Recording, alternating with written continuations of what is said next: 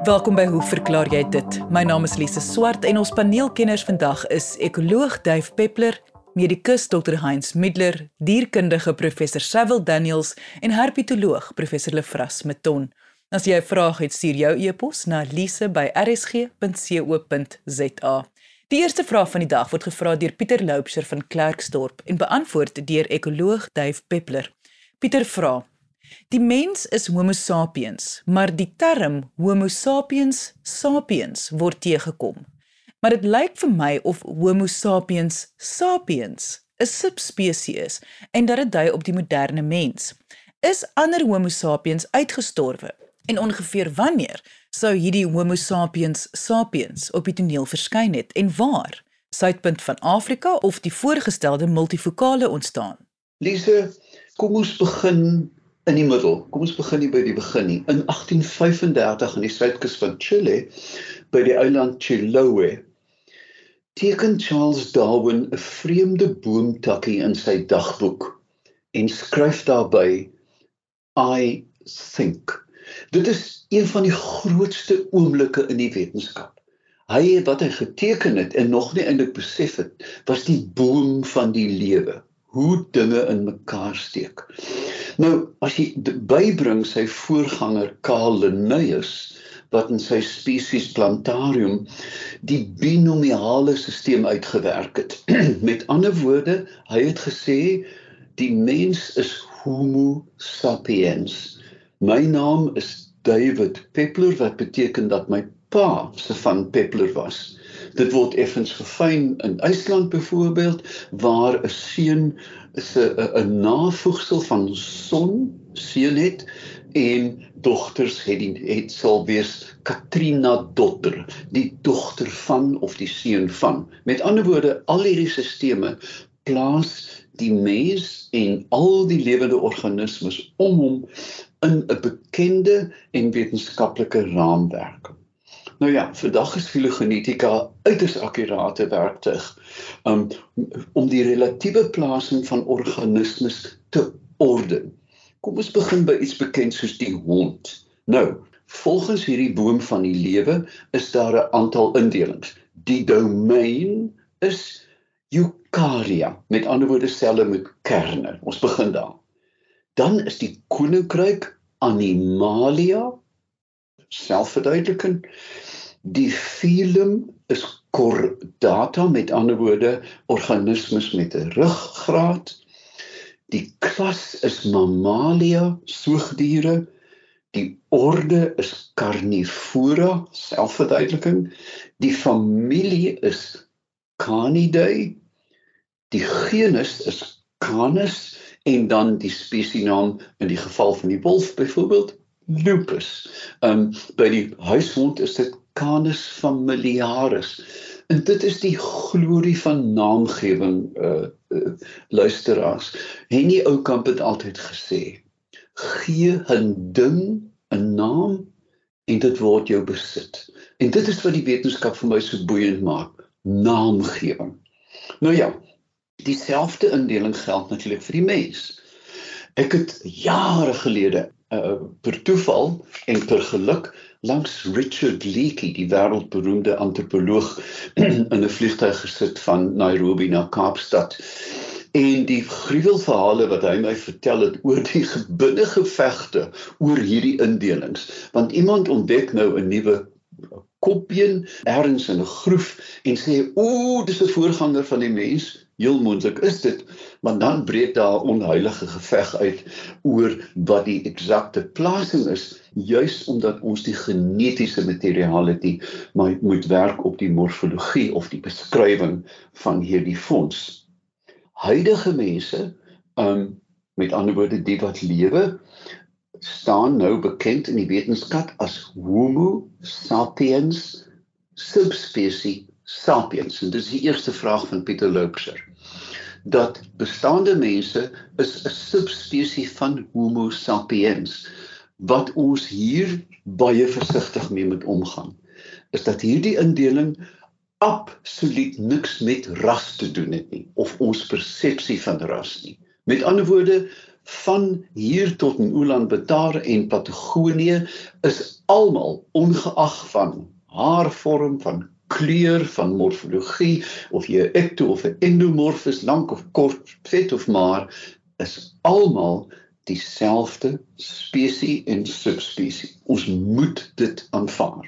Die ouderdom van hierdie subspesies lê in die orde van 2 tot 3 miljoen jaar. Uh ons voorloper was Homo erectus. Dit het te doen met regopstaan niks anders nie. En ons is natuurlik naverwant aan die sjimpansees as jy hierdie boom uitkamp. Ons is nie naverwant aan die gorillas wat ek terloops verlede week in Rwanda beleef het nie. Met ander woorde, daar is 'n lang geskiedenis van tipes mense, forme wat ons vooruit gegaan het. Daar was Homo habilis uit Tansanië, Rudolfensis uit Kenia, Gautenghensis, raai van waar, Erectus ergaster, um Heidelbergensis longi, uh, uh, uh, Naledi, die bekende dwergies of kleiner forme wat onlangs ontdek is, en Floriensis uit Indonesië. Waar kom die mens vandaan? En die antwoord is baie duidelik uit die fossielgeskiedenis uit Afrika. En die kanse is baie goed en ons versterk hierdie hipotese elke dag dat dit gebeur het daar in die slenkdal van Ethiopië en Tansanië waar daar water was en oor genoeg kos.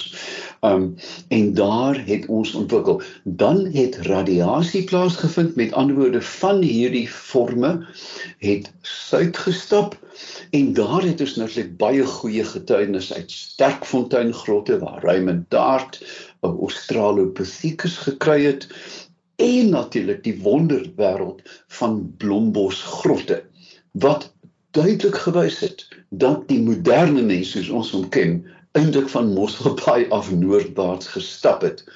Hoekom was hulle suksesvol? Want hulle het taal bemeester ons het geen idee wat die mens hoe die mens gepraat het voor sê nou maar in die orde van 80000 jaar gelede. Heel moontlik o was 'n hond en a was 'n klip. Uh, daar was geluide en gebare. Maar skielik vind ons in blombos sintaks vir die eerste keer kan ons sinne maak. Hoe weet ons dit? Want ehm um, steenimplemente moes deur 'n 3 dae proses gemaak word en sonder 'n gevorderde taal en sintaks kan jy hierdie tegnologie nie oordra nie. Nou ja, soos enige ander lewende organisme pas die mens baie akkuraat binne 'n komplekse filogenetiese raamwerk. Hierdie boontjies van die lewe staan bekend bekend as filogenetika. Maar ons moet dit eintlik 'n bietjie verder terugvoer en luister na 1969 opname van Joni Mitchell wat gesing het We are stardust, we are golden, but we have to find our way back to the garden. Dit beteken dat ek en jy Lise en die luisteraar, um Pieter bestaan almal uit oerstof uit die ruimte. Na die groot knal is die stof eerder of al eintlik onevenredig versprei, maar het saamgekook in planete en sterre en sonnestelsels en ons almal bestaan uit hierdie basiese boustene. Ons moet dankbaar wees hiervoor, maar ons moet ook verantwoordelik omgaan met hierdie inligting. Ons moet die wetenskap ten goeie gebruik. En dit was ekoloog Dave Peppler. Die volgende vraag kom van Hugo Knoetse en word beantwoord deur medikus Dr Heinz Middler. Hugo vra: "Kan jy asseblief vir my die volgende uitklaar met betrekking tot die verbruikersgesondheid in die gebruik van polipropyleen as 'n voedselverwerkingsoppervlak, aan 'n ander woorde 'n snybord, teenoor 'n houtsnybord?" Ja, ehm um, kapborde wat jy in die kombuis gebruik en snyborde tradisioneel gebruik het ons maar altyd hout. Dit was altyd hout Maar mense het begin vies geraak het vir die hout want dit begin nie meer mooi te lyk nie en hulle het begin om plastiese materiaal of die sogenaamde polipropilene te gebruik um met die wete dat dit meer higienies dit reuke kleef nie so vas daaraan nie as jy byvoorbeeld eie sny um op 'n houtbord dan is die reuk nog langer in die hout as wat dit is op jou uh, polipropileenbord en dit het laat hout oudmodies laat voel en onhigiënies en mense wou dit meer gebruik nie.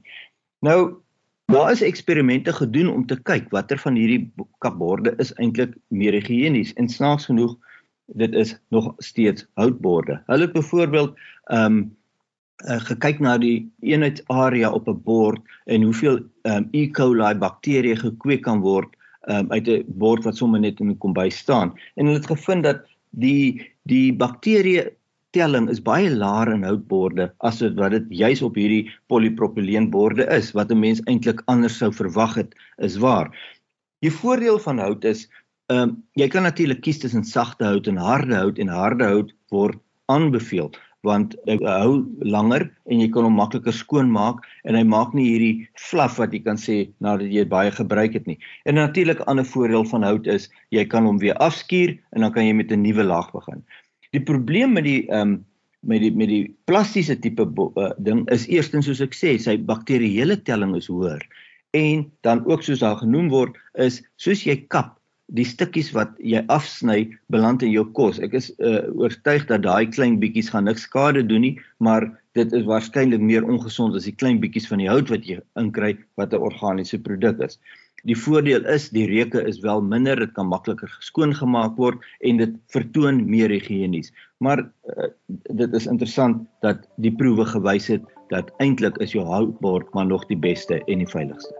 En dit was medikus Dr Heinz Middler. As jy 'n vraag het, stuur jou e-pos na lise@rsg.co.za. Volgende gaan dierkundige professor Sewil Daniels Japie Kreer se vraag beantwoord.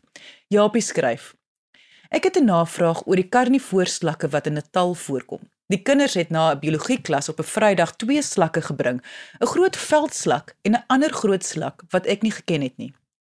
Ek het beide in 'n glasbak gesit en die maandag toe ek by die laboratorium kom, was daar van die groot veldslak net die dop oor.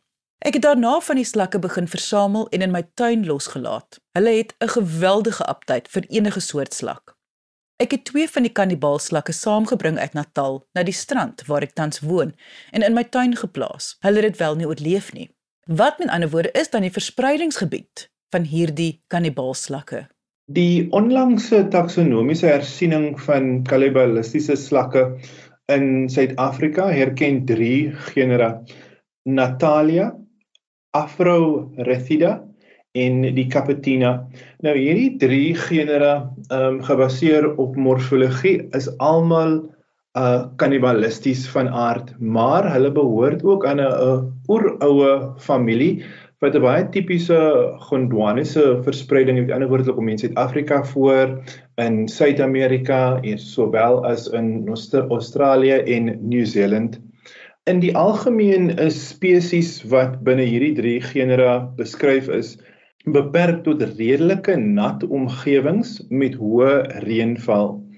Gevolglik is die verspreiding van die Suid-Afrikaanse spesies beperk uh tot areas van redelike hoë neerslag soos byvoorbeeld by hoë bergreekse of in woudagtige gedeeltes in die land. Alhoewel onlangse veldwerk in baie droër areas in die land soos byvoorbeeld in die Karoo ook nuwe spesies opgelewer het. So dit lyk of daar 'n redelike um fisiologiese plastisiteit is ten opsigte van die van die neerslag wat die diere dan nou nodig het om te kan oorleef.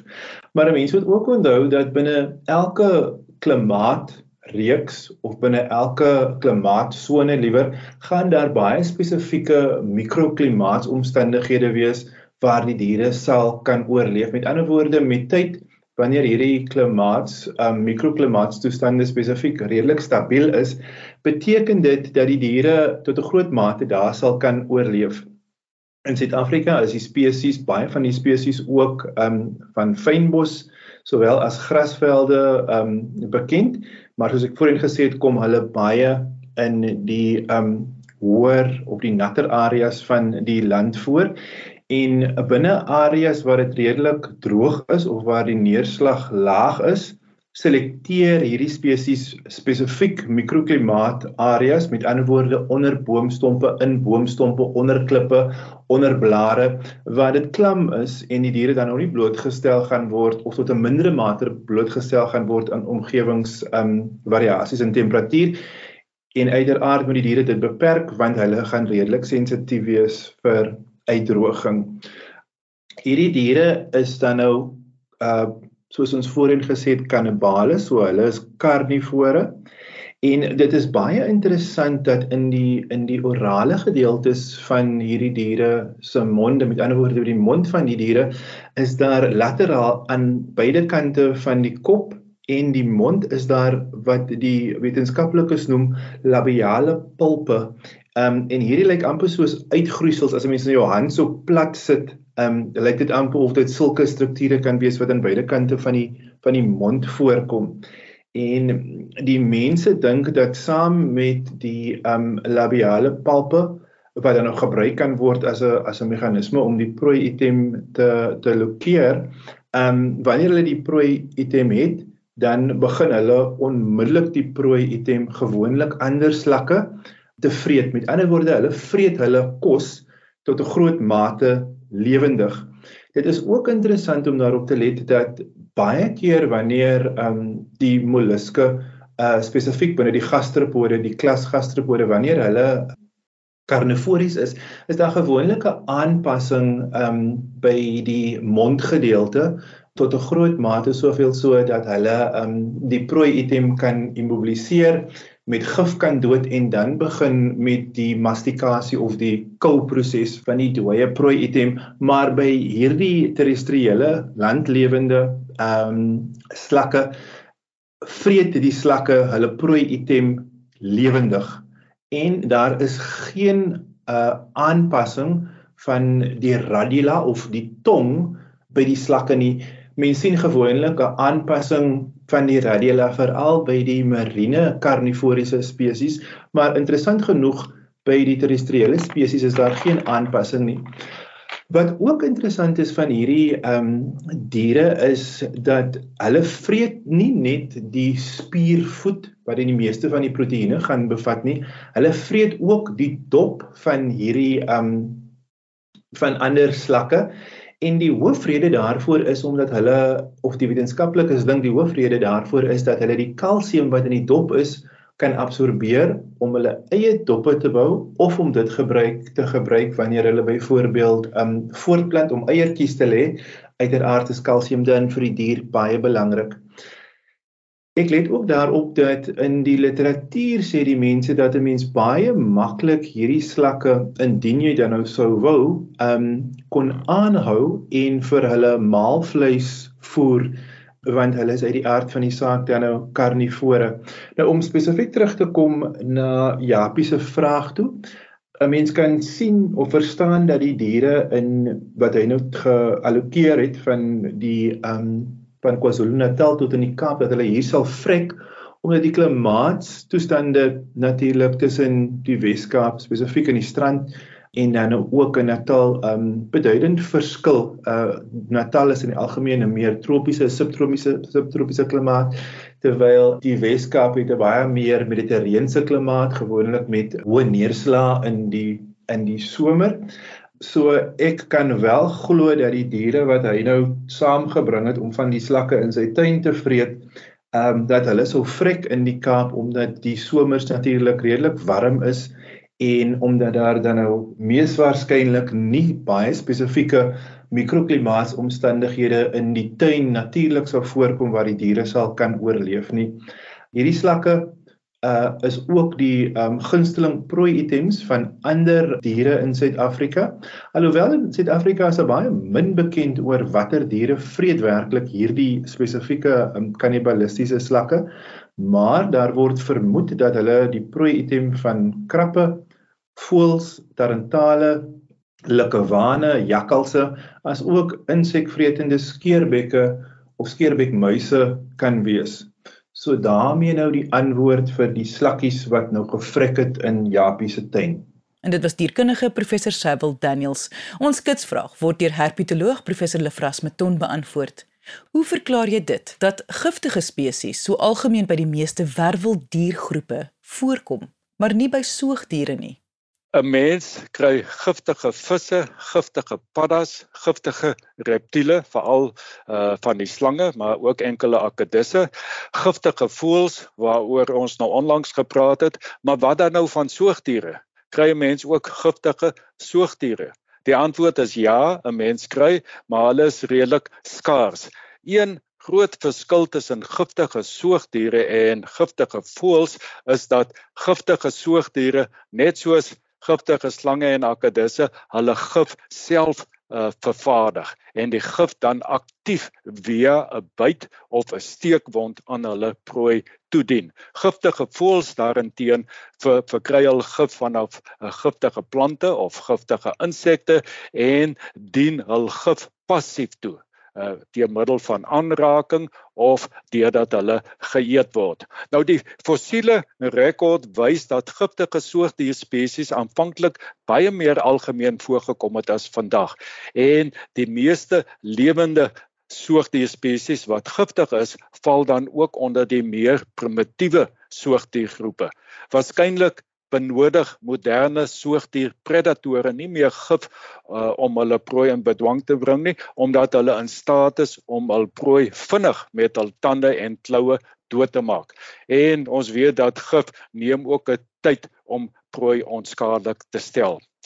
Die meeste van die giftige soogdiere wat ons vandag kry behoort tot die orde Eolipotyphla.